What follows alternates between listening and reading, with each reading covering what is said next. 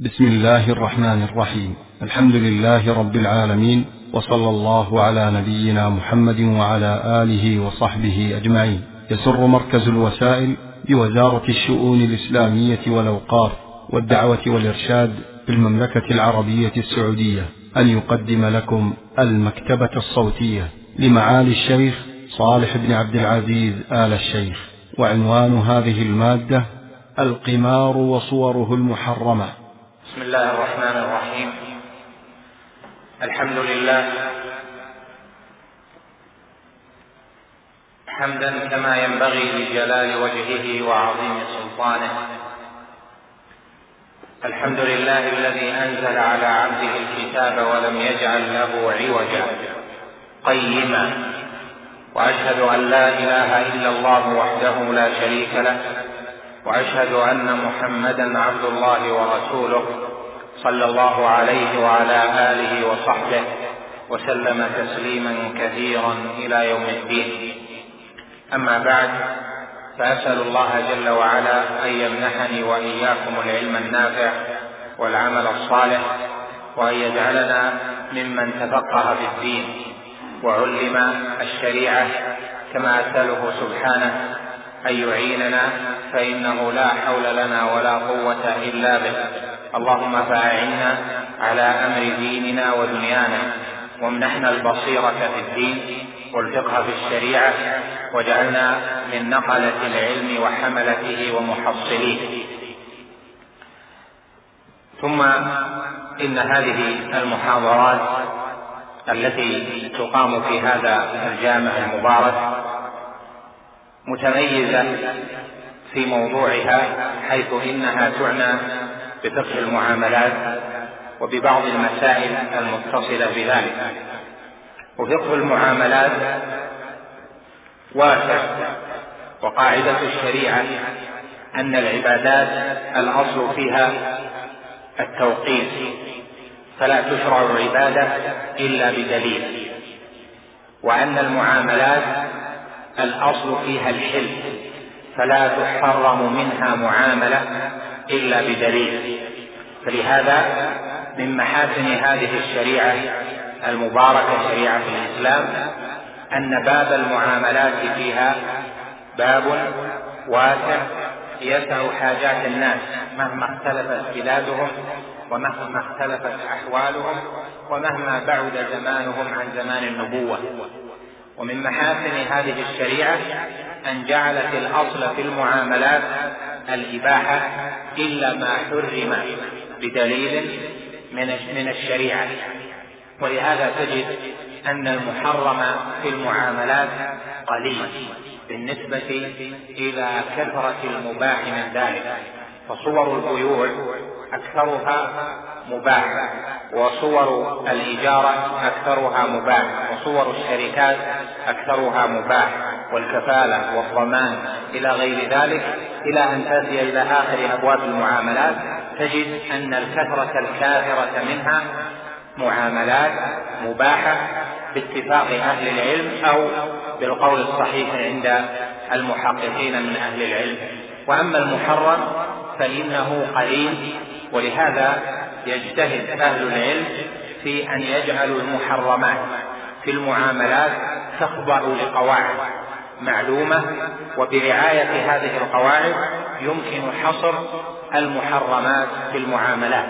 فإذا المعاملات أنواعها كثيرة وصورها متعددة وثم قواعد محدودة يمكن أن يفهمها طالب العلم ثم بعد ذلك يندرج تحت تلك القواعد فروع متعددة بالنسبة لاختلاف الصور. لهذا نقول إنه من حيث تعصير طالب العلم في فهم المعاملات أن يعنى بادئ ذي بدء بفهم القواعد العامة التي تنبني عليها المعاملات ثم يفهم القواعد العامة التي ينبني عليها ما حرم من المعاملات ولهذا نجد أن أهل العلم ذكروا أن المحرم من المعاملات من حيث التقعيد يمكن أن يندرج تحت ثلاث قواعد أو تحت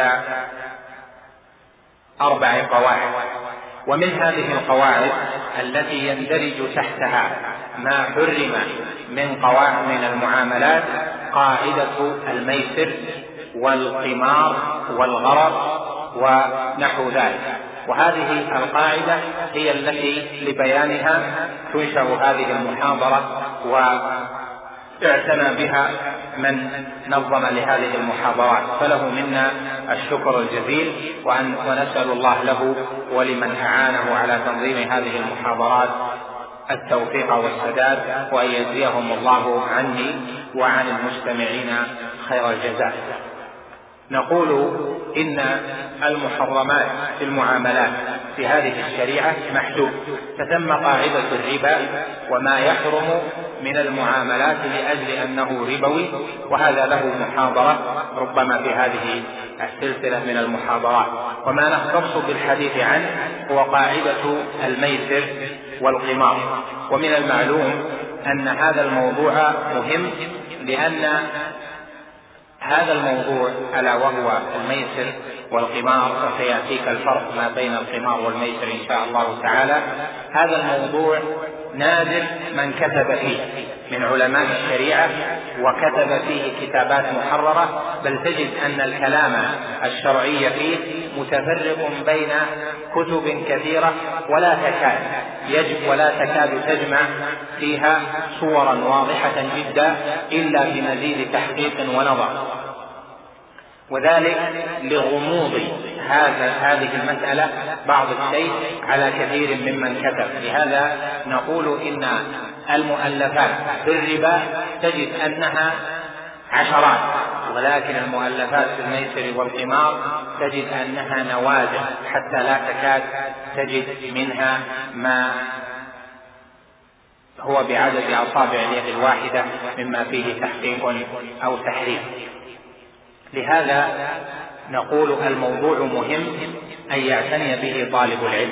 ومن أوجه أهمية هذا الموضوع ما تراه في فتاوى أهل العلم المحققين من علمائنا حفظهم الله تعالى ووفقهم لكل خير من تعليل كثير من فتاواهم في المسائل المعاصرة بأن هذا من القمار وهذا من الميسر أو يقولون هذا محرم لأنه غرض وهذا التعليل واضح عندهم لأن صورة القمار صورة الميسر صورة الغرر واضحة عندهم. فلا بد لطالب العلم المتلقي للفتوى حتى يشرح للناس معنى ذلك أن تكون صورة القمار والميسر والغرر والرهان والمغالبات إلى آخره أن تكون صور هذه المسائل واضحة عنده وذلك لأن كلام أهل العلم يعلل في التحريم في بعض المسائل المعاصرة وبعض الفتاوى التي يجيبون فيها عمن سأل عن بعض الواقع يجيبون بأنها من الميسر أو من القمار فلهذا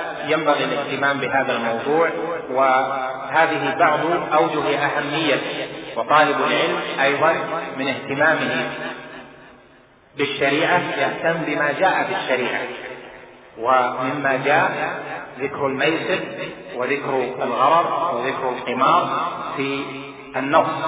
قد قال جل وعلا يسألونك عن الخمر والميسر قل فيهما إثم كبير ومنافع للناس وإثمهما أكبر من نفعهما. فإذا ذكر الميسر موجود وذكر القمار موجود كما في الحديث من قال لصاحبه تعالى أقامرك فليتصدق. وكذلك الغرر كما روى مسلم في الصحيح عن أبي هريرة أن النبي عليه الصلاة والسلام نهى عن بيع الحصاد وعن بيع الغرر. فإذا إذا كانت هذه الألفاظ موجودة في الشريعة وجعلت قواعد فيما حرم كما ذكرت لك أن المعاملات ثم قواعد تضبط المحرمات فيها لأنها قليلة أي المحرمات في المعاملات فإذا لا بد من فقه هذه الألفاظ.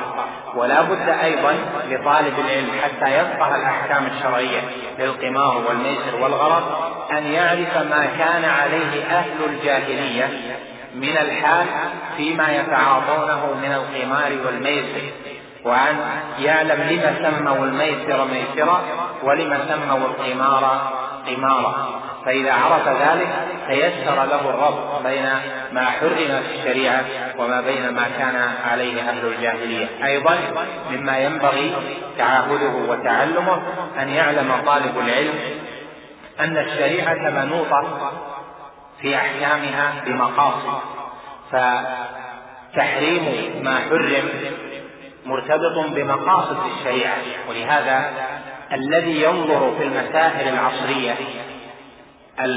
المعاصرة الواقعة أو يعتني بالنوازل لا بد له أن يفقه أشياء.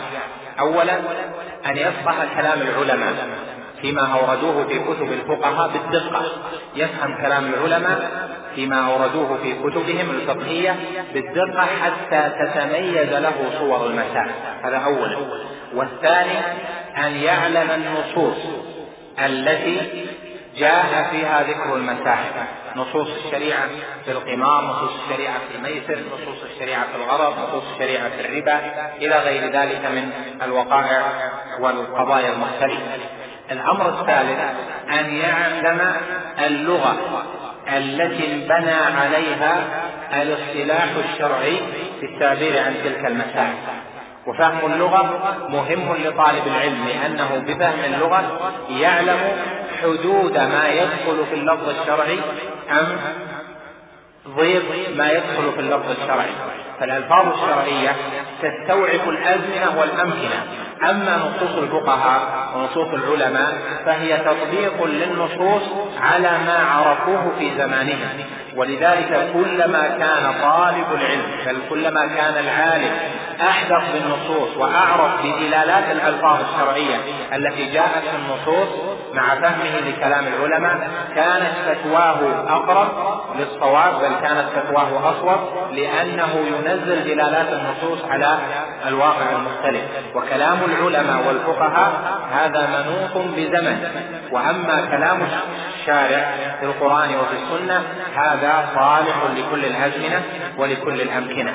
الأمر الرابع أن يعلم طالب العلم ما يسميه أهل الفقه الجمع والفرق يعني القواعد التي تجمع المسائل والفروق بين المسائل. فإن في معرفة علم الجمع والفرق ما يجعل لطالب العلم ملكة في الاجتهاد في هذه المسائل المعاصرة والواقع الذي يتجدد كما ترون باليوم وتكثر الوقائع والأحوال في مسائل كلما نصبح نأتي على صورة جديدة من صور المال أو صور المعاملات أو إلى آخر ما يجري به الزمان وينقل لنا من بلاد كثيرة.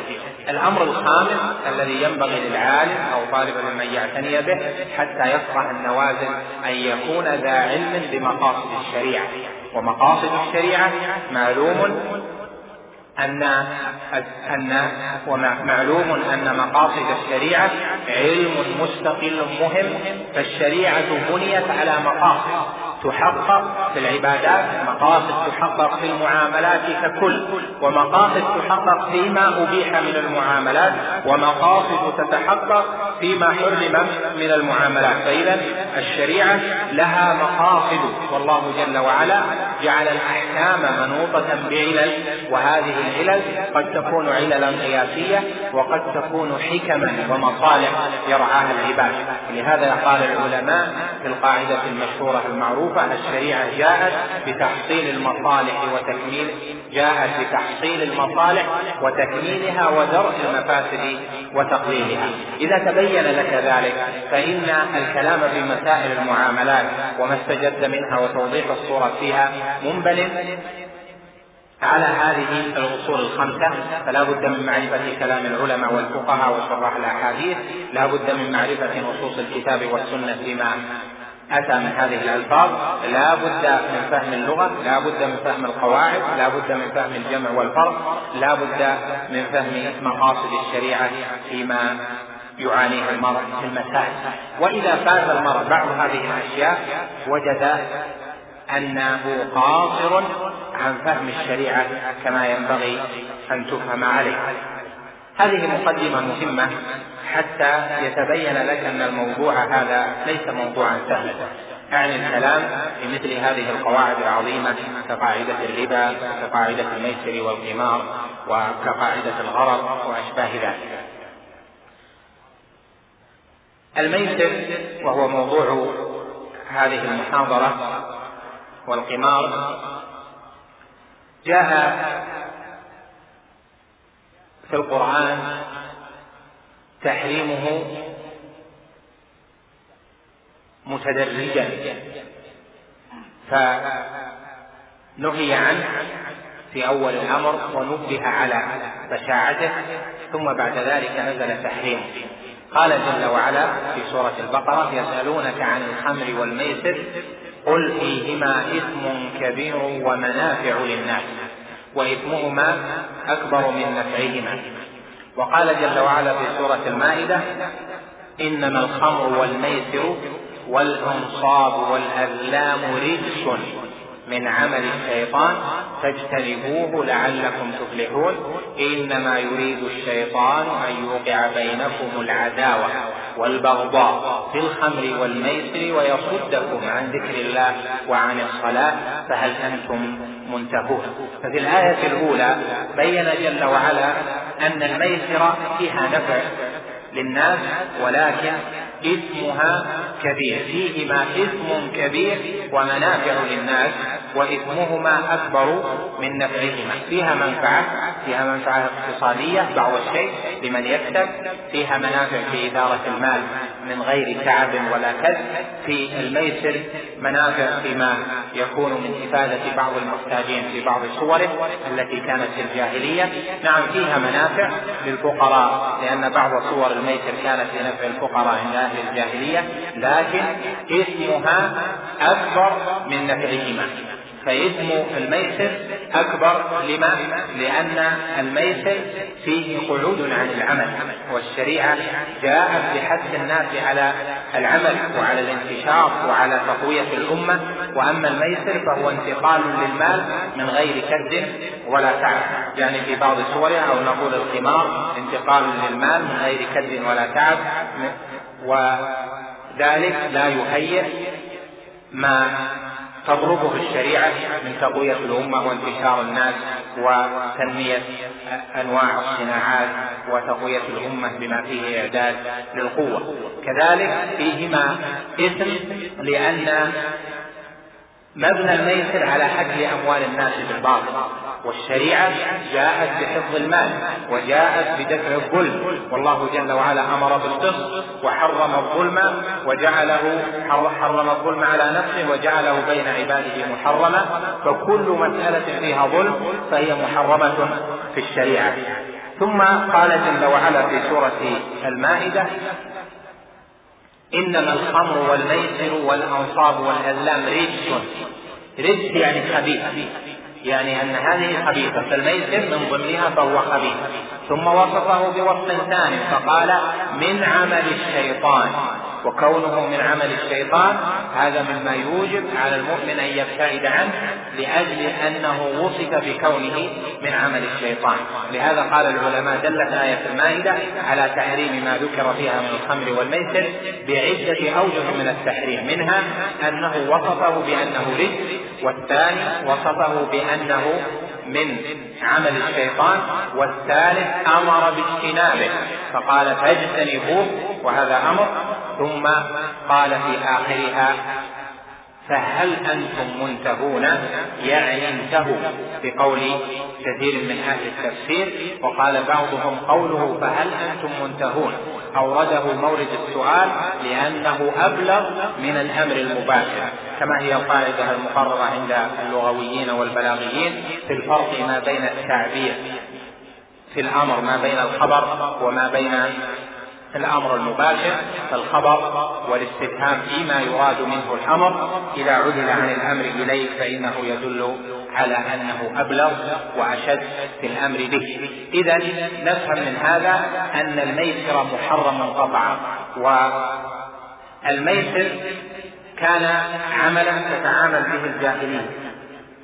والناس في الجاهلية يتعاملون بأنواع من المعاملات التي حرمت بالشريعة ومنها الميسر. والميسر عندهم كانت له صفات متعددة كانوا يتعاملون بالميسر والقمار في المغالبات والرهان وكانوا يتعاملون بالميسر في المعاملات. ولهذا قال سعيد بن المسيب فيما رواه مالك في الموطأ كان من ميسر أهل الجاهلية بيع الحيوان باللحم وبالشاة والشاتين. إذا فعندنا أهل الجاهلية كان الميسر فيهم على نوعين. ميسر في المغالبات والرهان والمسابقات والنوع الثاني ميسر في المعاملات ولهذا قال علماؤنا إن الميسر الذي حرمته الشريعة في نوعين ميسر في المغالبات والرهان وميسر في المعاملات ويأتي مزيد بسط لهذه الكلمة. كان من أغراض أهل الجاهلية الميسر أنه يفتخر بعضهم على بعض. هذا واحد. من أغراضهم أنهم إذا أرادوا أن يتصدقوا لعبوا بالميسر وبالخداع حتى يخرج من له الفضل في التصدق إذا نحروا جزورا ونحو ذلك. فكانت فائدة الميسر عندهم في بعض صوره للمساكين. يتبارون من يتصدق على المساكين بهذا الجذور المشترك. ولهذا يسمى الجازر ياسر ويسمى الجذور يعني الجمل إذا ذبح يسمى أيضا ميت تسمية للشيء باسم الفعل الذي منه. وسبب اشتقاقهم هذه الكلمة الفعل الذي فعلوه كلمة ميسر العلماء اختلفوا فيها قالوا إنها مصدر ميمي كالموعد ميسر والموعد من يسر كوعد ميسرا وموعدا. ومعنى الميسر هنا أنه من اليسر لأنه يكسب المال بيسر أو من اليسار لأنه يغتني بهذا الفعل. المقصود أن الميسر فيه من حيث اشتقاق اللغة أنه كسب للمال بلا تعب والثاني أن الميسر كسب للمال وسبب للغناء ولذلك سمي ميسرا إذا تبين ذلك فهنا سؤال مهم وهو ما الفرق بين الميسر والقمار؟ هذه كلمة تستعمل كثيرا ميسر ومن القمار. العلماء اختلفوا في ذلك اختلافا كبيرا والحاصل أن لهم قولين في ذلك. الأول أن الميسر والقمار مترادفان فكما أن الميسر يكون في المعاوضات المالية وغير المعاوضات المالية فكذلك القمار يكون عن عوض مالي وعن غير عوض مالي وقال آخرون لا الميسر ثم فرق بينه وبين القمار في نوعه. فإن القمار مغالبة ومخاطرة كما سيأتي تفصيل. المعنى مغالبة ومخاطرة فيها المال وأما الميسر فإنه يشمل كل أنواع المخاطره بالتعريف الذي سيأتي مما يكون معاوضة أو يكون رهانا أو يكون معاملة. ولهذا كما ذكرت لك قد يكون في الميسر مقابلة المال وقد لا يكون.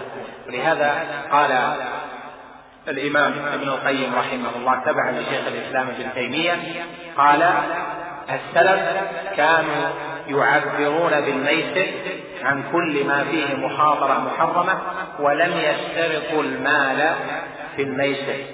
وهذا كما قال الإمام مالك الميسر نوعان ميسر لهو وميسر مال.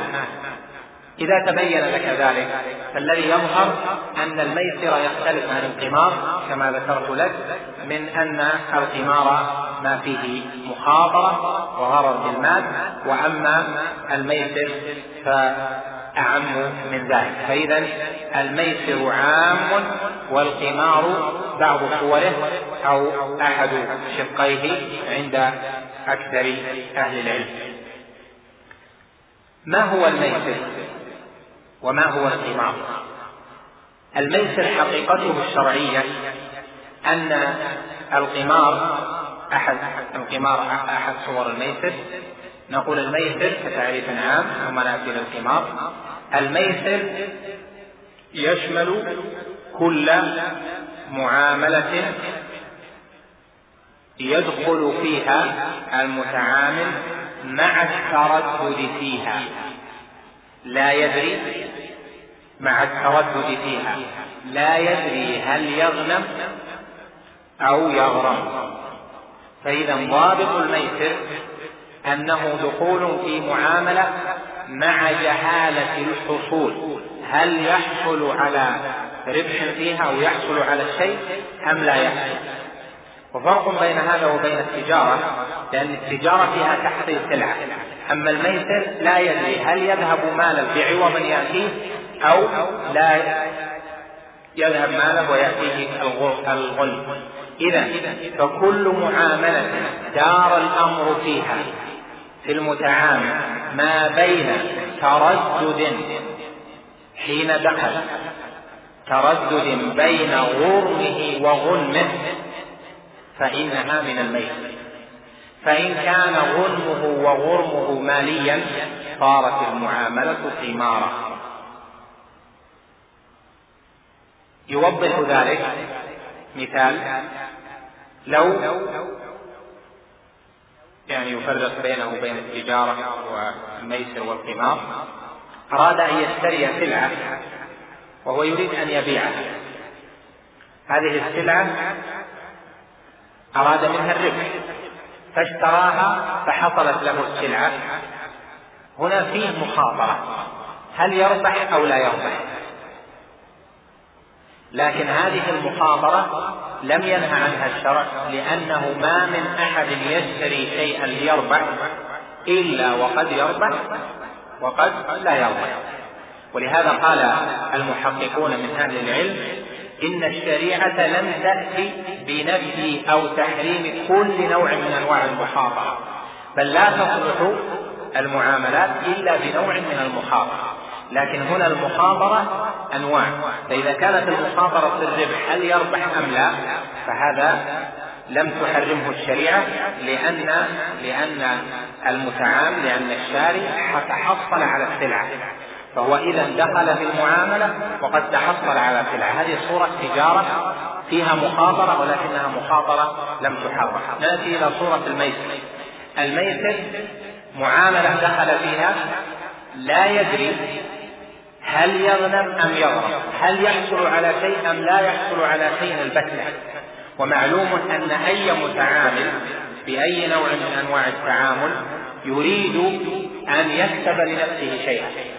فهو يدفع مالا في مقابل أو يدفع عملا وجهدا في مقابل. فإذا كان يدفع ويعمل بشيء وهو لا يدري هل يحصل له أم لا يحصل له وذاك الآخر هو الذي يستفيد فإنه يعد ذلك ميسرا لأن حقيقة الميسر ما تردد فيه بين الحصول وعدم الحصول.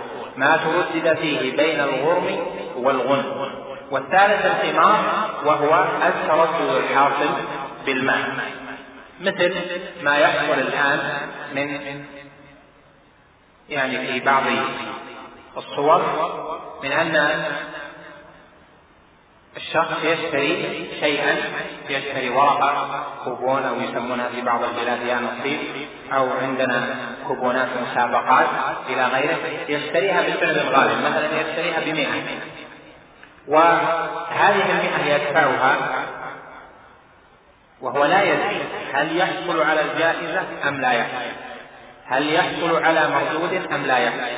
فإذا حقيقة الميسر ونوع القمار في هذه واضحة من أنه بذل هذا المال وهو لا يدري هل يحصل على مقابل أو لا يحصل. ينظر هنا إلى هذا البذل للمال. هل هو قليل فيغتفر أو هو كثير فلا يغتفر ومن المعلوم أن الشريعة جاءت بالتفريق ما بين قاعدة الغرض والجهالة. فالغرض هو تردد في الحصول على شيء. وأما الجهالة فالشيء موجود ولكن تجهل أحد أوصافه أو يجهل حالة أو تجهل هيئته أو نحو ذلك والغرض منقسم في الأحكام الشرعية إلى ثلاثة أقسام. غرض كثير نهي عنه كما في حديث أبي هريرة نهى عن بيع الحصاة وعن بيع الغرض وغرر قليل اغتفرته الشريعة. كالغرر فيما إذا اشتريت بيتا.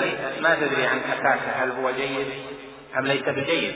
اشتريت مثلا آه، شيئا تلبسه لا تدري عن في داخل هذه الجبة مثلا يعني أو الفروة أو نحو ذلك. هل ما في داخلها من القطن أو المادة هو جيد أو ليس بجيد. يعني تم شيء من الغرر مغتفر هذا لا بد منه لأنه ليس من شرط البيع أن تتضح جميع الأحوال على التفصيل فهذه أنواع من الغرر والمخاطرة معفو عنها. والنوع الثالث غرر متوسط ليس بالضخم الكبير وليس بالقليل. وهذا النوع من الغرر هو الذي اختلفت فيه أنظار أهل العلم. هل يعفى عنه أم لا يعفى عنه؟ ومن صوره المعاصرة في هذا الغرر المتوسط ما ذكرته لك من أنواع المسابقات اللي هو دفع المئة هذه أو التأمين التجاري بأن ألف من الناس يدفع مئة كل سنة حتى إذا حصل على سيارة الشيء وعلى بيت الشيء يصلح له مجانا وقد يكون بآلاف مؤلفة وباء يدفع مئة إلى آخر كل الناس يدفعون يعني من اشترك ثم المستفيد من هذه المعاملة قليل. فنظر الناظرون في ذلك. هل هذا من الغرض الكبير أو من الغرض المتوسط؟ ومن أباحه وهم قليل من من العلماء من أباح التأمين التجاري قال إن الذي يبذله المرء قليل في مقابلة ما سيحصل له. وغرض يسير يعني المئة ريال ما تأمن كثيرا.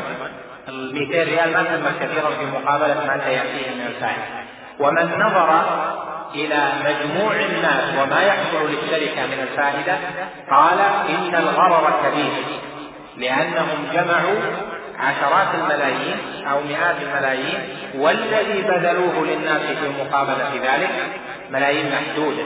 يعني أنهم استفادوا من غير كد منهم ولا تعب استفادوا مبالغ كبيرة جدا مئات الملايين في بعض الأحوال أو أكثر في الشركات الكبيرة والمبذول هو من الناس ويكون الذي بذلوه وصلحوا به ما أصلحوا أو ضمنوا به ما ضمنوا يكون قليلا في مقابلة ذلك وإذا تقرر هذا فإن نظر المجتهد من أهل العلم ينظر لا إلى الفرد من الناس بل ينظر إلى حماية الناس جميعا لأن الشريعة جاءت بحماية أموال الناس كما هو معلوم.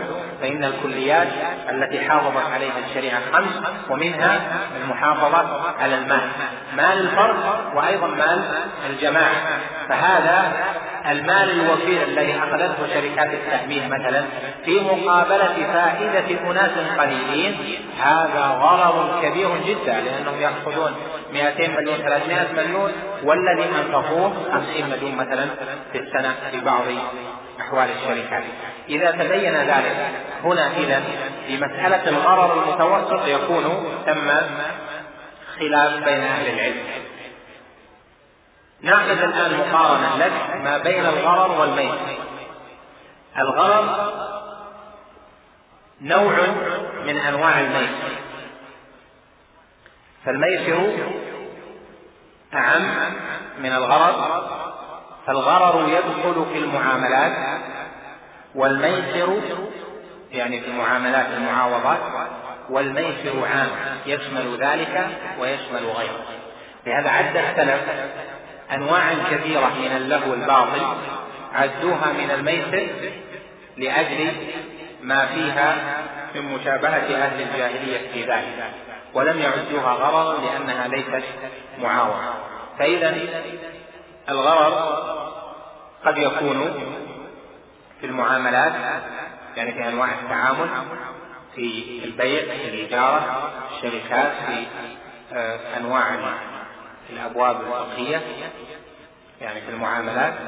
أما الميسر فيشمل كل يشمل كل معاملة تردد فيها هل تحصل أم لا تحصل. والغرر أيضا إذا كان في معاملة فينطبق على ذلك. فالميسر يدخل في المسابقات والرهان.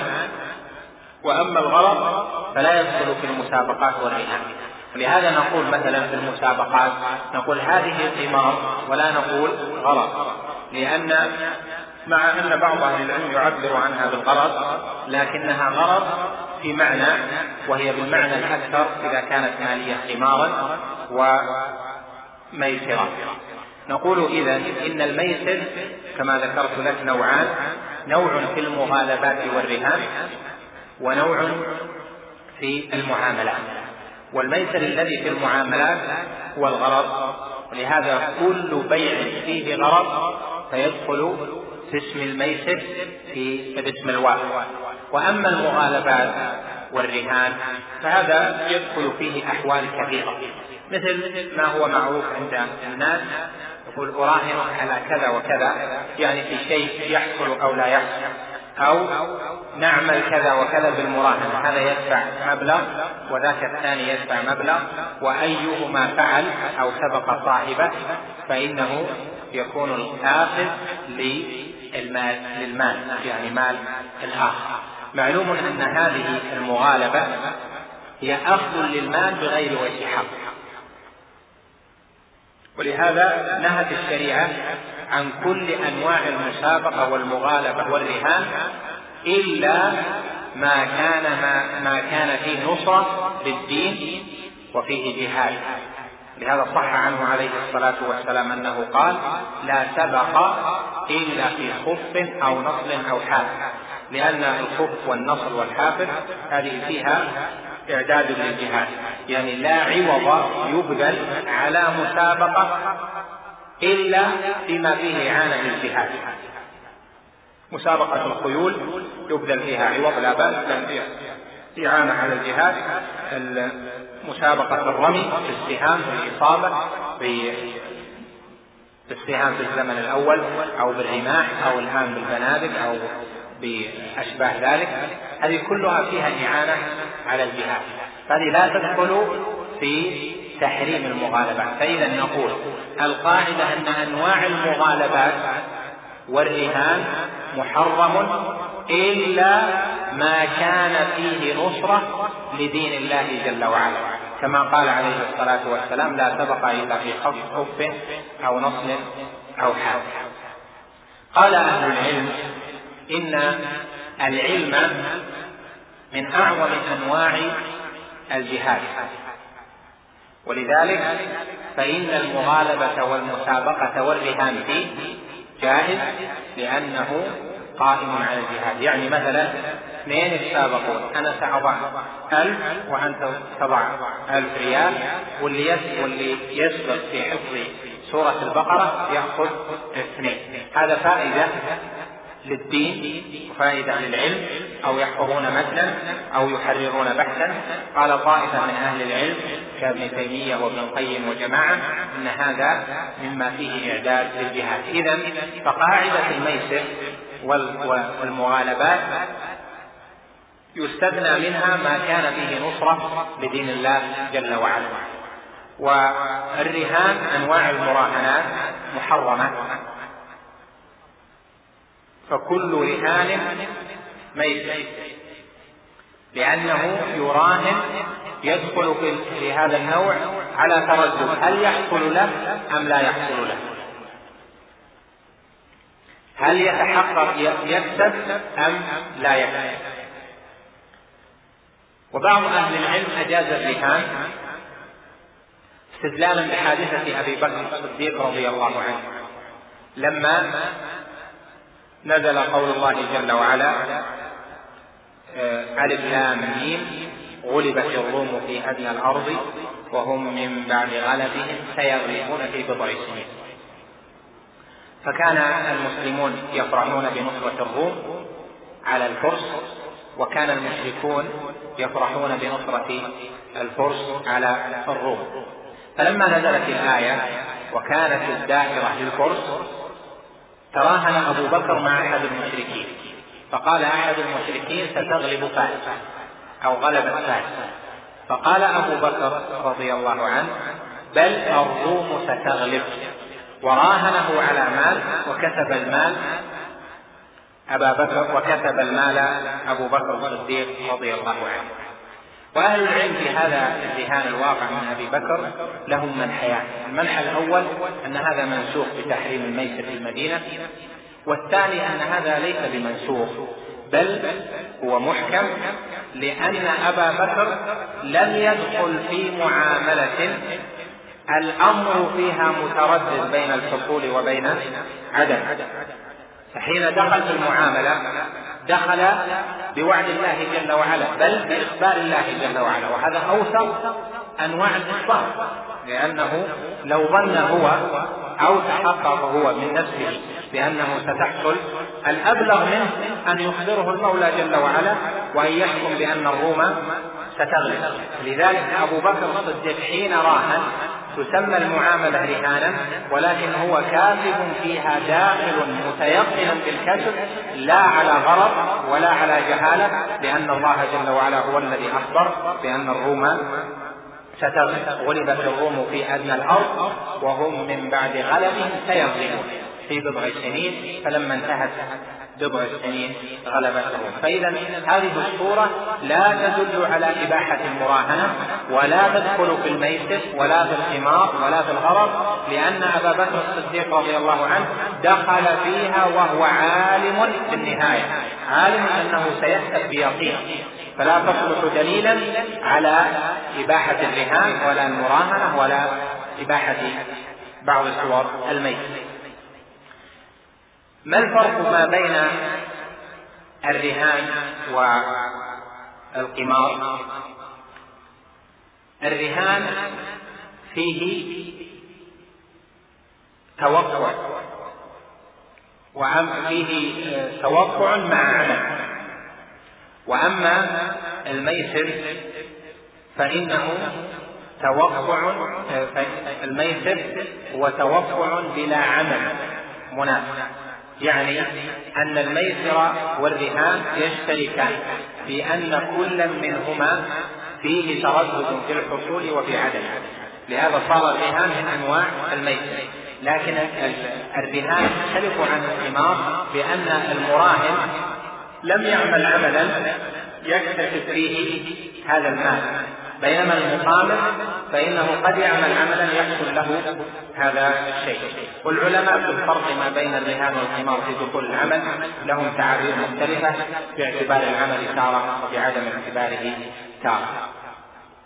إذا تبين ذلك في تبيين هذه المسألة فأعود ألخص بأن حقيقة القمار الشرعية أن القمار نوع من أنواع الميسر وقد يعبر بعض أهل العلم عن الميسر بالقمار والقمار بالميسر ثاني أن القمار والميسر كل منهما فيه تردد هل يحصل الشيء أم لا؟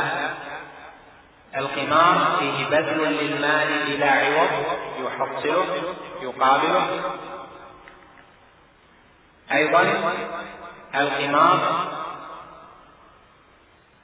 نوع من أكل أموال الناس بالباطل ويغامر بماله رجاء أن يغتني والثاني يغامر بماله رجاء أن يغتني. وهذا فيه بذل للمال من غير عوض ومن الجهة المقابلة فيها أكل للمال بالباطل يعني بغير وجه حق. والقاعدة التي يمكن أن يندرج تحتها أكثر الصور المعاصرة مما يشكل على الناس في قاعدة الميسر والقمار أن تنتبه لها وهي حصيلة الكلام المتقدم أن المعاملة التي يدخل فيها الداخل والأمر يدور فيها ما بين أن يخرج غانما أو غارما فهي من القمار أو الميت. يعني يدخل وهو متردد هل يكون يعني لا يدري متردد يعني لا يدري هل يغنم أو يضرب فهذه تكون ميسرا وقمارا. فإذا أعود أكرر إذا دارت المعاملة التي تتعامل بها دار بذل المال الذي الذي تبذله دار العمل بذل العمل الذي تعمل بين أن تكون غانما شيئا أو غارما المال أو العمل فهذه المعاملة من الميسر. الحالة الثانية أن تدور المعاملة التي تتعامل بها ما بين أن تكون غانما أو سالما. يعني إما أن تغنم وإما أن تسلم. إما أن تستفيد وإما أنه لا شيء عليه فهذه الصورة لا شيء فيها وليست من الميسر أو القمار المحرم. بالمثال مثلا تدخل إلى محل تجاري تجد فيه مسابقة أو يعني جوائز هنا تأتي الجائزة تنظر فيها هذه الجائزة التي ستعطى هل ستكون ببذل منك لمال أو بشراء لأشياء غير مرادة لك؟ يعني تبذل خمسين ريال عشان تأخذ كوبون مثلا تأخذ قسيمة حتى تربح أو لا هذا بذلت شيئا. أو تشتري أشياء لا حاجة لك فيها أنت ما أردتها وإنما أردت هذه القسيمة أردت المشاركة فهنا أنت دار أمرك فيما بذلت بين أن تكون غانما للجائزة أو غارما لهذا المال أو شراء الأشياء التي لا تحتاجها. فإذا دار الأمر على هذه الصورة صارت الصورة محرمة لأنها ميتة.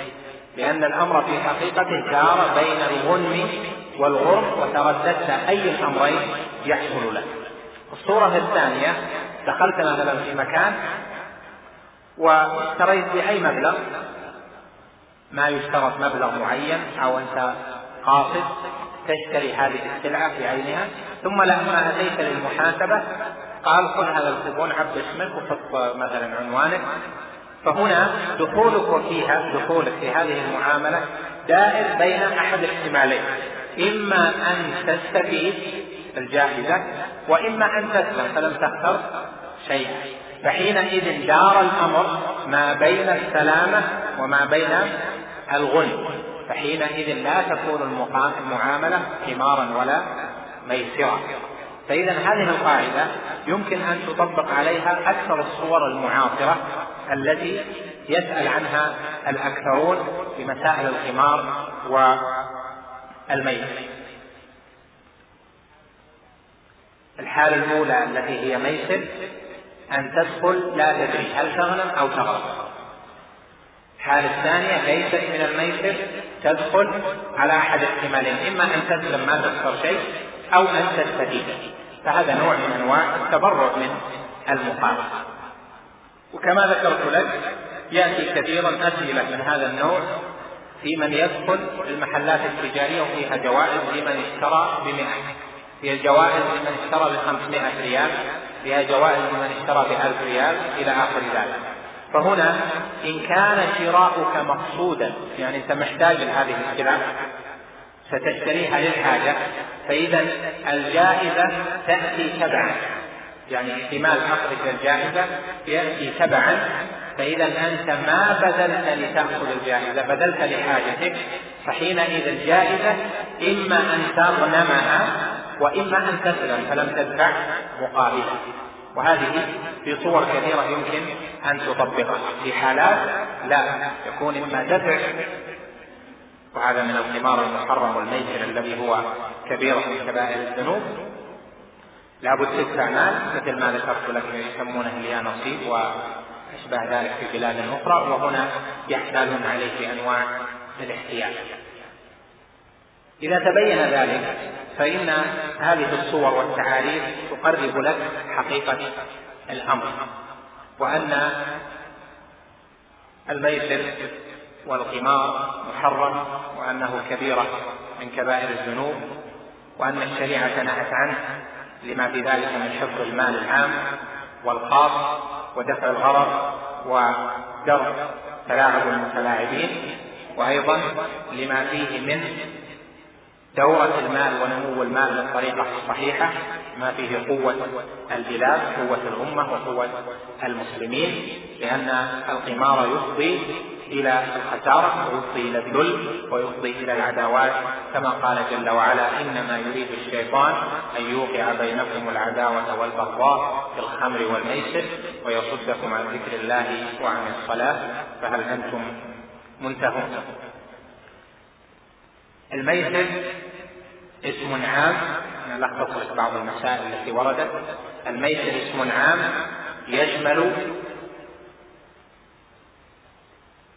ميسر له وميسر المعاملات. ميسر له ولو لم يكن فيه مال كما قال الإمام مالك الميسر نوعان ميسر له وميسر مال. وعد علي رضي الله عنه ابن عباس وطائفة من السلف كعطاء والحسن وجماعة أن اللعب بالنرد واللعب بالشطرنج واللعب بالجول واللعاب الأطفال أنه من الميسر لأنه وسيلته. الميسر في المغالبات المالية هو القمار والقمار وأنا نسيت ربما أعرف القمار.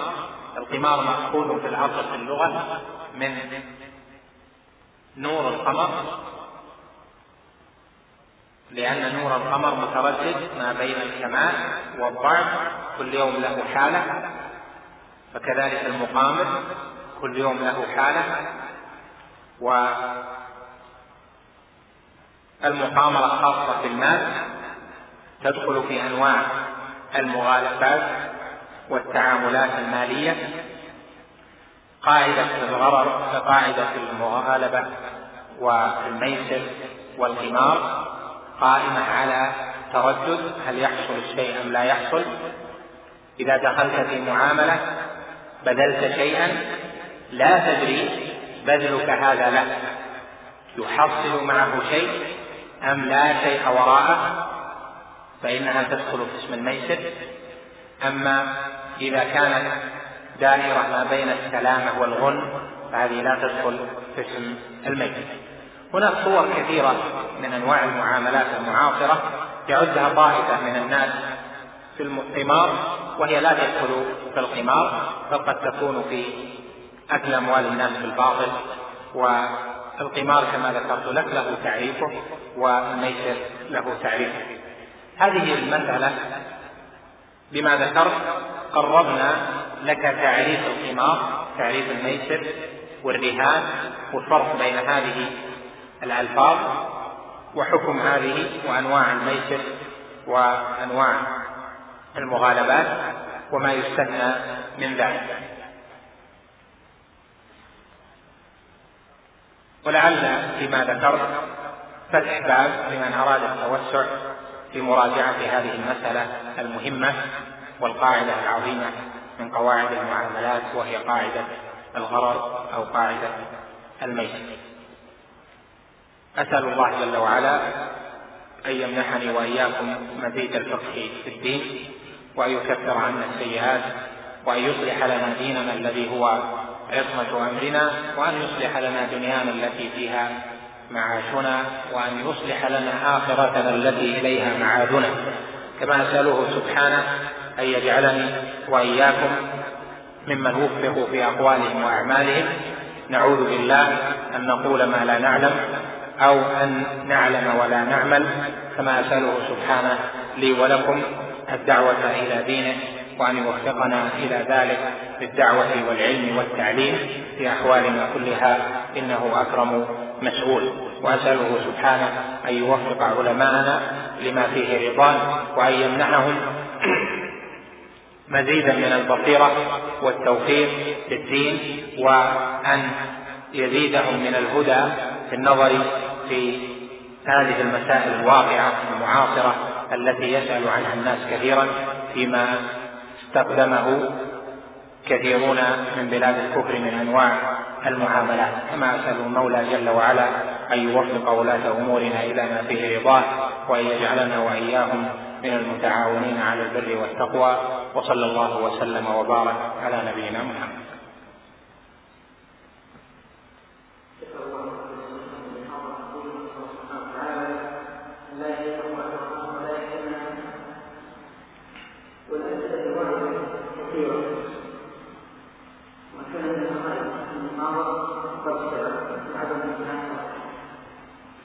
أو يؤجل مرة ثانية. إن شاء الله. طيب. السؤال الأول هل شراء غير من شركات المنهجية وغيرها عن بعض التخصص من فرق السعر يعتبر نوع من أنواع المقامرة أو شبه مقامرة كما حدثنا بذلك بعض الشروط الجواب الحمد لله. الشركات شراء أسهمها وبيعه جائز بشروط. أهمها أن يكون عمل الشركة مباحا. يعني أن تكون الشركة تعمل عملا مباحا كشركة زراعية أو صناعية. أو دوائية أو ما أشبه ذلك. ما تكون شركة شركة بنك يعني مثلا فيه الربا أو شركة لتصنيع الخمور أو شركة للمتاجرة بالأفلام الخبيثة أو شركة إعلامية فيها دعوة الناس للفساد والرذيلة وأشبه ذلك.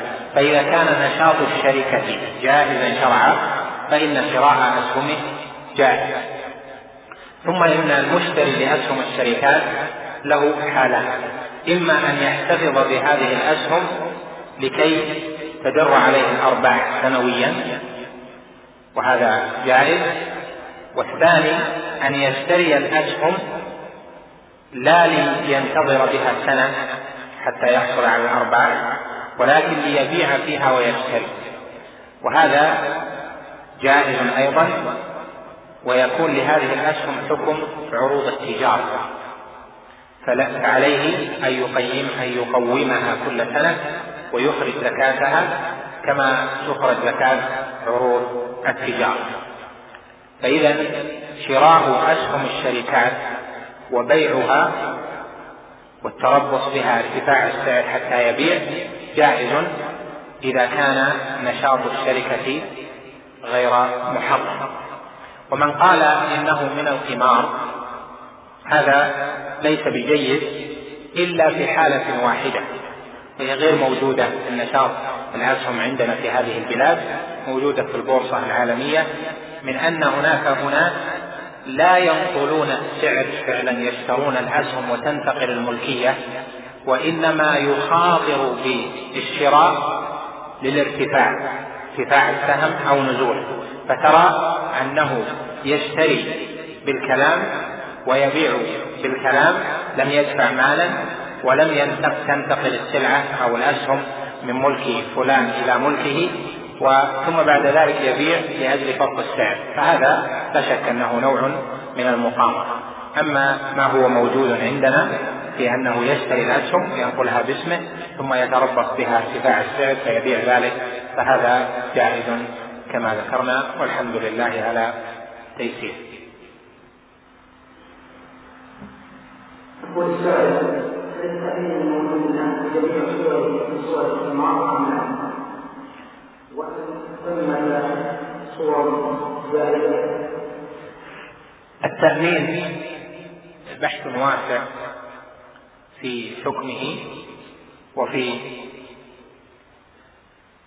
أصوله الشرعية وفي أصوله أو صوره المعاصرة والذي عليه أكثر العلماء أن التأمين التجاري المعروف عندكم أنه محرم لأن فيه أكلا للمال بالباطل لأن فيه غرضا في المعاملة ولأن فيه قمارا كما ذكرنا. صورة هذا التأمين التجاري ما ذكرته لك في المحاضرة من أن فلان يدفع 100 ريال سنويا تأمين على سيارته والثاني يدفع 100 تأمين على سيارته. فيجتمع للشركة ملايين ثم هي تصلح سيارات من خرب سيارة من خربت سيارته أو تعطلت أو صدمت أو أصابها حادث. فيكون مردود الشركة أكبر بكثير جدا مما تحصلته. المحافظة على المال العام واجبة ولهذا أهل العلم يقولون أكثر أهل العلم يقولون إن التأمين التجاري محرم وبعض العلماء أجازه لأجل أن الغرر عندهم يسير بالنسبة للفرد وأن مصلحته أكبر. قالوا هذا الزمان كثرت فيه الأموال والناس مواردهم محدودة باعتبار الأفراد فهو يرغب في أن يأمن على نفسه من الكوارث بمساندة غيره إذا دفع. والشركة لا يمكن أن تقوم بذلك إلا إذا اجتمع الجميع. فهي صورتها متعددة عندهم لكنها في الحقيقة عندهم تعاونية معنى وإن لم تكن متعاونية تعاونية شرطا ولفظا. وهذا فيه نظر وتأمين التجاري الأولى تركه وأن المرأة يتوكل على الله جل وعلا. لأجل ألا يدخل في مثل هذه المعاملات. وهو في الحقيقة محل بحث ونظر. ينبغي أن يبحث أيضا مرة أخرى ببحث واسع وينظر في عقله. النوع الثاني من التأمين تأمين التعاون. وهذا أباحه كبار العلماء عندنا بما أصدرته هيئة كبار العلماء من الفتوى في إباحة التأمين التعاون. تأمين التعاون صورته غير صورة التأمين التجاري. تأمين التعاون أن يكون المشتركون في شركة التأمين هذه بصفة شركاء. لهم الربح وعليهم الخسارة. فهم يتعاونون في أن يسدد بعضهم عن بعض. الشركة ما تستفيد هي يستفيد شخص خارج إنما الاستفادة ترجع إلى المشتركين. فمثلا فلان من الناس ألف دفع مئة باء دفع مئة جيم دفع مئة إلى العاشر اجتمع ألف ريال. فهذه يشتركون فيها؟ وتكون عندهم. ثم إذا مضت السنة ولم يحدث حادث لأحد منهم فإن الألف هذه تعود فائدتها عليه. فتنمى لهم وإذا دفعوا مئة في السنة المقبلة فإن هذه المئة تنمى لهم أيضا يعني تحفظ لهم لحوادث هذه السنة ثم تنمى لهم. يعني أنهم شركاء في شركة تعاونية للتأمين هؤلاء أعضاؤها. لهم غنمها وعليهم غرمها. وهذه الصورة لا شك أنها صورة شركة بشرط والمؤمنون على شروطهم إلا شرطا أحل حراما أو حرم حلالا وهذه الصورة جائزة ولذلك أفتى كبار العلماء بجوازها وهي حل مثالي لكن هذه لا يستفيد منها أصحاب الأموال وأصحاب الشركات. آه، إنما يستفيد منها الناس وهم لا يريدون أن يستفيد الناس وإنما يريدون أن يستفيدوا هم. ولو قام هذا النوع من الشركات لكان في ذلك تيسير للناس وقضاء لحوائجهم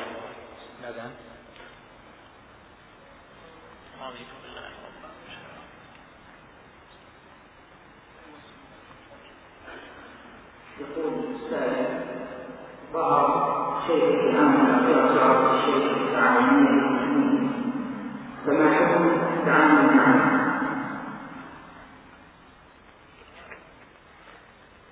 الجواب عن عن الحكم يتوقف على قراءة عقد التأمين. وأنا لم أقرأ عقد التأمين الموجود ولكن بحكم ما أسمع أنها ليست بتعاونية بالمعنى الذي ذكرناه آنفا. يعني أن الشركاء لهم الغنم وعليهم الغرم وأن الأموال التي لم يستفيدوا منها أنها ترد عليهم بأرباح إلى غير ذلك. يعني إذا نميت. وإنما اسمها تعاونية للتأمين وفي حقيقتها لم تطبق التأمين التعاوني الذي أفتى به العلماء. لكن الكلام هذا الحكم متوقف على قراءة العقد. وإذا كان أحد يأتي بالعقد إن شاء الله نرى ما فيه. وأظنهم أحيانا يستندون على فتاوى بأن عملهم جائز ولا أدري هل هذه الفتاوى صحيحة أم ليست بصحيحة. نعم.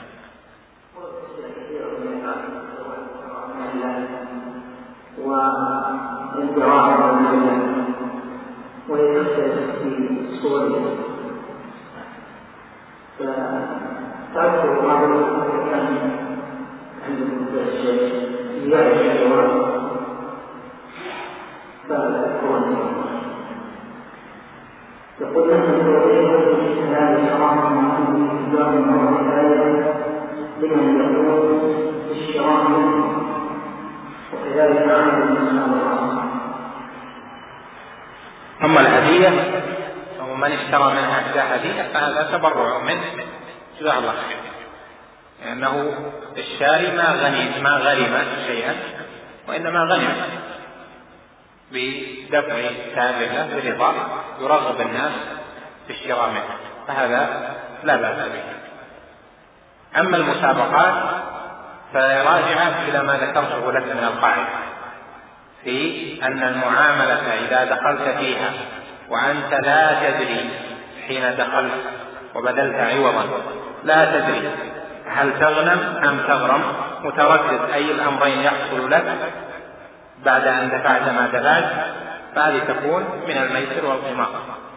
أما إذا كان إذا كنت لا تدري يحصل أو لا يحصل لكن لم تغرم شيئا لم تدفع شيئا. وإنما أنت ما بين سالم من الغرم وما بين غانم. فهذه لا بأس بها. ويمكن تدخل فيها صور كثيرة.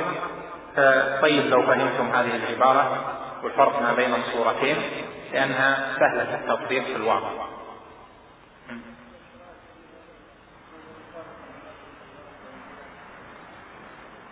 وإذا كان أنه لا حاجة له في الجريدة إلا لأجل المسابقة ما له أي حاجة فيها إلا لهذا. فهذا نوع غرض هذا نوع غرض وقد يكون المبلغ يسيرا عند بعض الناس يعني ريال أو ريالين لكن هي تدخل في الغرض هل هو من الغرض المعفو عنه أم لا؟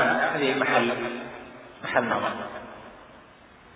لكن في الغالب الجرائد الناس يحصلون أو يحرصون عليها آه، وتكون المسابقات مقصودة مع غيره نعم.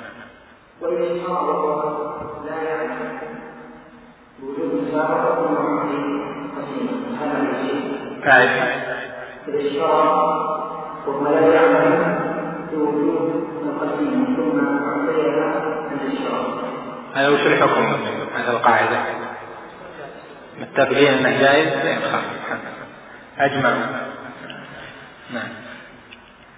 ليش جائز؟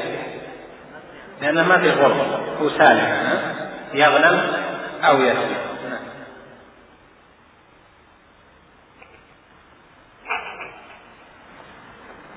هل يعتبر بين المسابقة جنبا الذي بأن يشتري مسلم المسابقة لذلك مثل ما يعني يمكن مسابقة لمن أقام المسابقة أو لكي يشترك في أرض والمسابقات كما ذكرت لك. هذا المال الذي دفعه عوض عن شيء لا يدري يحصل له أو لا يحصل. يدفع ريالين مثلا هل تحصل له الجائزة أو لا يحصل؟ هل يكسب أم لا يكسب؟ فاذا تردد في الحصول على الشيء وعدم الحصول. فاذا هو ضرر ولا شك. لكن هل الريالان غرر يسير يغتفر مثل آه، غرر في أساس البناء ومثل الغرر في في باطن الملابس ونحو ذلك أم لا يغتفر أم نقول هذا دفع للمال وليس بغرر؟ هذا دفع للمال بحكم المجموع. يكسبون أموال كثيرة الجوائز أقل منه. يعني مثلا اشترك مليون شخص في هذه المسابقة كل واحد دفع ريالين. كم الذي تحصل؟ مليونين. ها؟ طيب الجوائز كم؟ مليون. طيب ذاك يأخذ مليون مقابل إيش؟ فإذا نظرنا بهذه النظرة وجدنا أن العلماء على على أصولهم يختلفون في ذلك. فمن رأى الفرد بمفرده؟ قال هذا الريالان غرض يسير فلا بأس. ومن رأى المجموع وأن الجهة تستفيد بمبالغ ضخمة من الأمة دون مقابل. فقال هذا بالمجموع غرر كبير وإذا يدخل في الميسر والقمار ويدل على هذا الثاني أن النبي عليه الصلاة والسلام يقول المؤمنون كالجسد الواحد. وقوله يسعى بذمتهم أدناهم فإذا كما ذكرت لك من نظر إلى المجموع قال هذه ولو كانت المدفوع. ريالين فإنها لا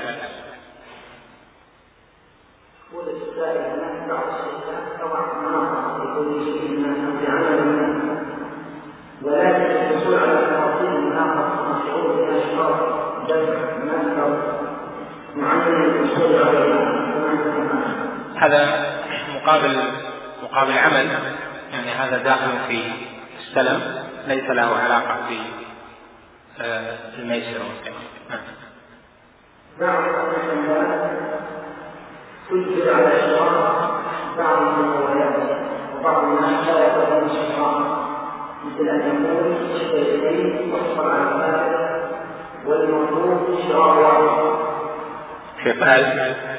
يقول بعض على بعض وبعض الناس لا يقبلون واحد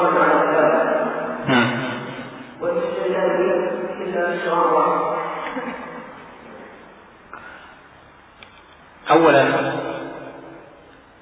العاقل لا يشتري إلا ما يحتاج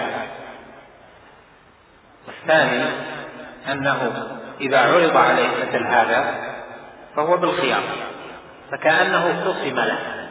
يعني قيل له أنا أقسم لك الثلث مثلا أقسم لك 30% اشتر مني ثلاثة وأنا أقسم لك في القيمة 30% أو 50% وهذا كما يقول إذا اشتريت أكثر نزل كل ما تشتري أكثر أنا خفضت السعر هذا لا بأس به ولا يدخل في الغرر ولا الميت نعم يقول نعلم أن الشارع لا يحب شيء إلا فيه خير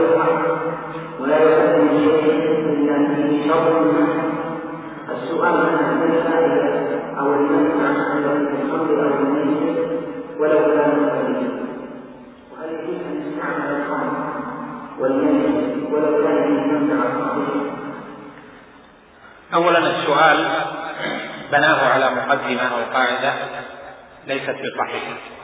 الشارع قوله الشارع لا يأمر بشيء إلا فيه خير محض هذا غلط.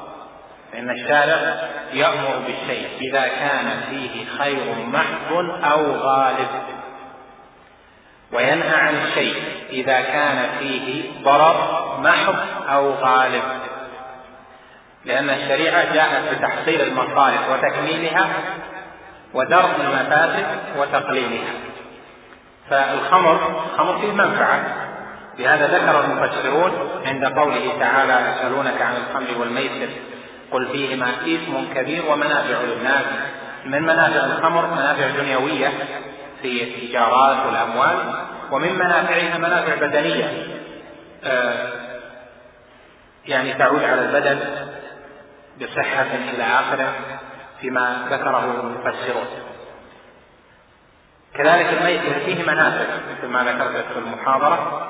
فإذا الشريعة تحرم ما كان خالص المضرة أو ما كانت مضرته أكبر.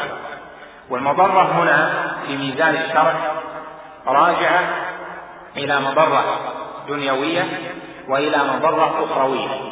أما المضرة الأخروية فلما في التعامل بنوع المعاملة أو تعاطي هذا الأمر في أي أمر كان الخمر الميسر السرقة الرشوة الزنا القذف إلى آخره لأن فيه إثم يرجع على القلب بظلمته وعدم رضوخ القلب وخضوعه وذله لله جل وعلا. فما فيه عنفوان القلب وتكبره وتجبره وعدم رضوخه وخضوعه لأمر الله جل وعلا هذا يحرم للغرض الأخروي ولتحصيل القلب العابد الخاضع لله جل وعلا. ثم الغرض الدنيوي يحرم إذا كان فيه ظلم للناس أكل أموال الناس بالباطل فيه ضرر وما يجمع ذلك وقول العلماء إن الشريعة عنيت بحفظ الضروريات الخمس وهي الدين مرتبة واحد الدين ثانيا النفس الثالث العقل الرابع المال الرابع العرض الخامس المال. ولهذا نقول إن الشريعة إذا لما جاءت بالمحافظه على هذه الكليات الخمس فكل منها مهم أن يدفع الضرر عنه لهذا شرع الجهاد لأجل حفظ الدين وشرع القصاص لأجل حفظ النفس وإلى آخر شرع حد الخمر وحرمت الخمر حفاظا على العقل إلى آخر تفصيلات ذلك كما هو معروف في كتب مقاصد الشريعة. يقول كنت فما الحكم في ذلك؟ الرهان المحرم وهو المغالبة بعوض من غير عمل شرعي. هذا عده كثير من أهل العلم من الكبائر وهو داخل في عموم قوله جل وعلا ولا تأكلوا أموالكم بينكم بالباطل والواجب على من ابتلي بذلك أن يتوب إلى الله جل وعلا وأن يرد المال الذي في يده لمن أخذ منه إن كان يعلمه. وإن كان لا يعلمه فإنه يتوب إلى الله جل وعلا والمال الذي أخذه أو الشيء الذي أخذه فإنه يخرجه من ماله تصرفا لا تصدقا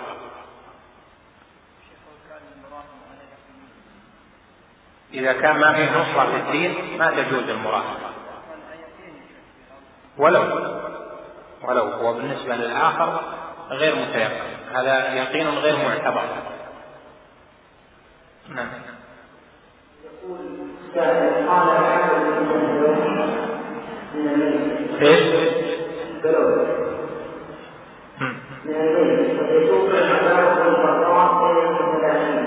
وقال ان كل لعبه تعتمد على المراجعه إلى المحرمه وان يكن فيها مال وكل لعبه تعتمد على الصور الجديده التي في الاصل الثاني ما هذا القول هذا قول لبعض يعني مؤداه قول لبعض أهل العلم في أن اللعب قسمان لعب له ولعب بالأجسام يعني لتقويتها.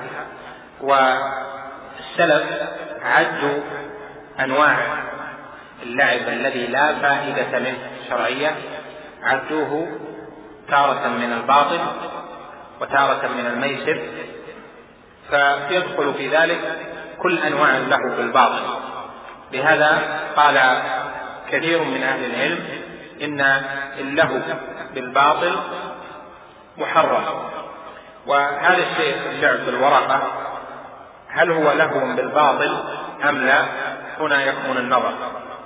فإذا كان عن عوض يعني فيه مال يدار فلا شك أنه قمار ويكون محرما وكبيرا لأجل ما صاحبه من القمار وأكل المال بالباطل.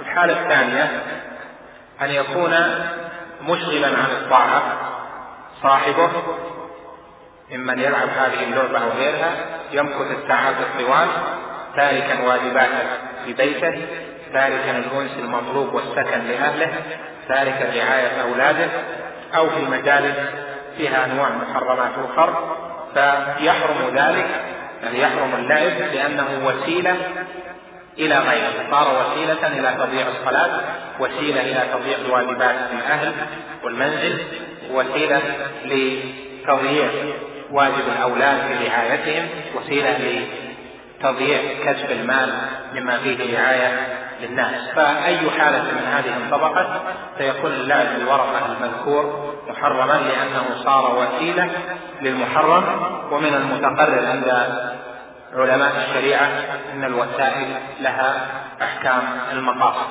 فإذا كان اللعب سيؤدي إلى شيء محرم صار لهوا بالباطل. ليس لهوا مهدونا به صار لهوا بالباطل. الحالة الثالثة أن يلعب أحيانا وليس في لعبه تفريط بأمر واجب شرعي وليس فيه إضاعة لواجب من صلاته أو واجب رعاية ونحو ذلك.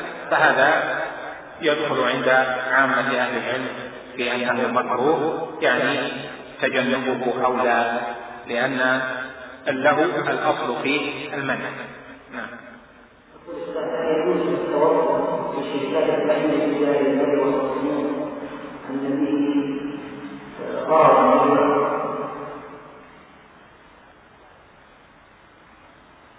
لعل السائل يسألني مرة أخرى فصل له الجواب إن شاء الله. يقول السائل يسمع بما يسمى بالبعد. فما هي؟ وهل هي من أو لا؟ البورصة هذه كلمة أجنبية. آه، ترجمتها التقليدية بالعربي آه، محل عقد الصفقات السريعة يعني بعضهم ترجمها بالمصافق يعني آه، صفقة محل عقد الصفقة. قالوا مصفى جمعها مصافق يعني البورصة كلمة معناها المحل الذي تعقد فيه الصفقات بسرعة. فهي لمحل تتداول فيه السلع أو تتداول فيه الأسهم أو تتداول فيه العملات ويكون البيع والشراء فيه سريعا وفي المحل. وغالبها لا يكون فيه قبض. ولا يكون فيه انتقال الاملاك بل بل على الشاشة مثل ما هو موجود الآن في البيوت ممكن الواحد يعمل عمليات ويتصل بالبورصات العالمية من منزله بواسطة الكمبيوتر إما المستقل أو بواسطة الدخول في شبكة الإنترنت وغير ذلك. المقصود ان كلمه بورصة هي محل مثل محل مغلق مثل سوق تجاري فيه عرض للسلع وفيه بيع وشراء لمن حضر ولمن اتصل به فهذا معنى البورصة نعم. يقول يقول بعض الأشخاص أو مجموعه إيش؟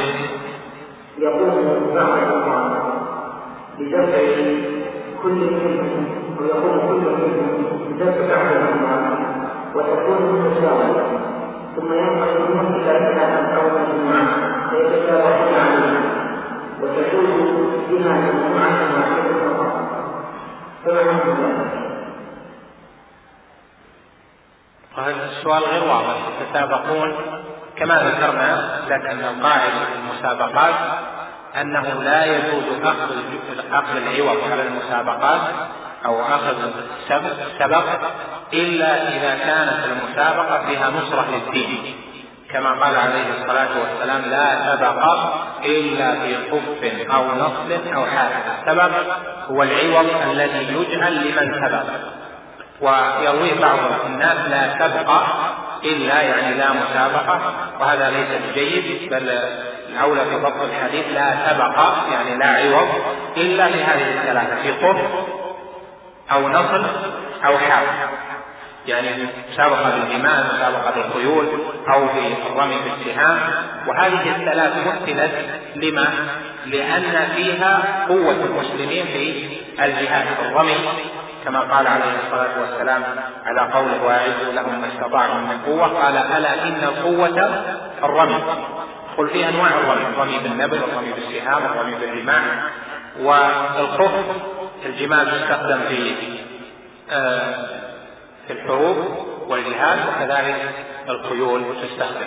فهذا معنى مثل بها تمثيلا لكل ما فيه نصرة لدين الله جل وعلا.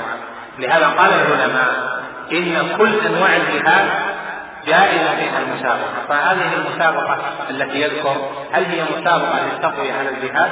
يعني مسابقة للأقدام هل هي مسابقة على الخير ونحو ذلك فتباع بشروطها أم مسابقات أخرى؟ ما ندري. المسابقات العلمية جائزة المسابقات الخيول جائزة مسابقات الرمي جائزة لأن كل هذا فيها إعداد للجهاد. و الفروسية والقوة التي كان يتميز بها الصحابة رضي الله عنهم وبها قول على الجهاد نوعان فروسية في العلم والبيان وفروسية بالركوب ركوب الخيل أو نحوها يعني ركوب الفرس.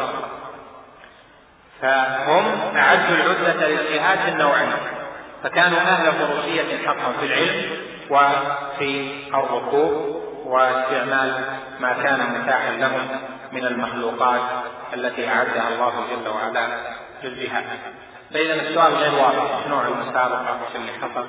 يحتاج إلى إيضاح نعم.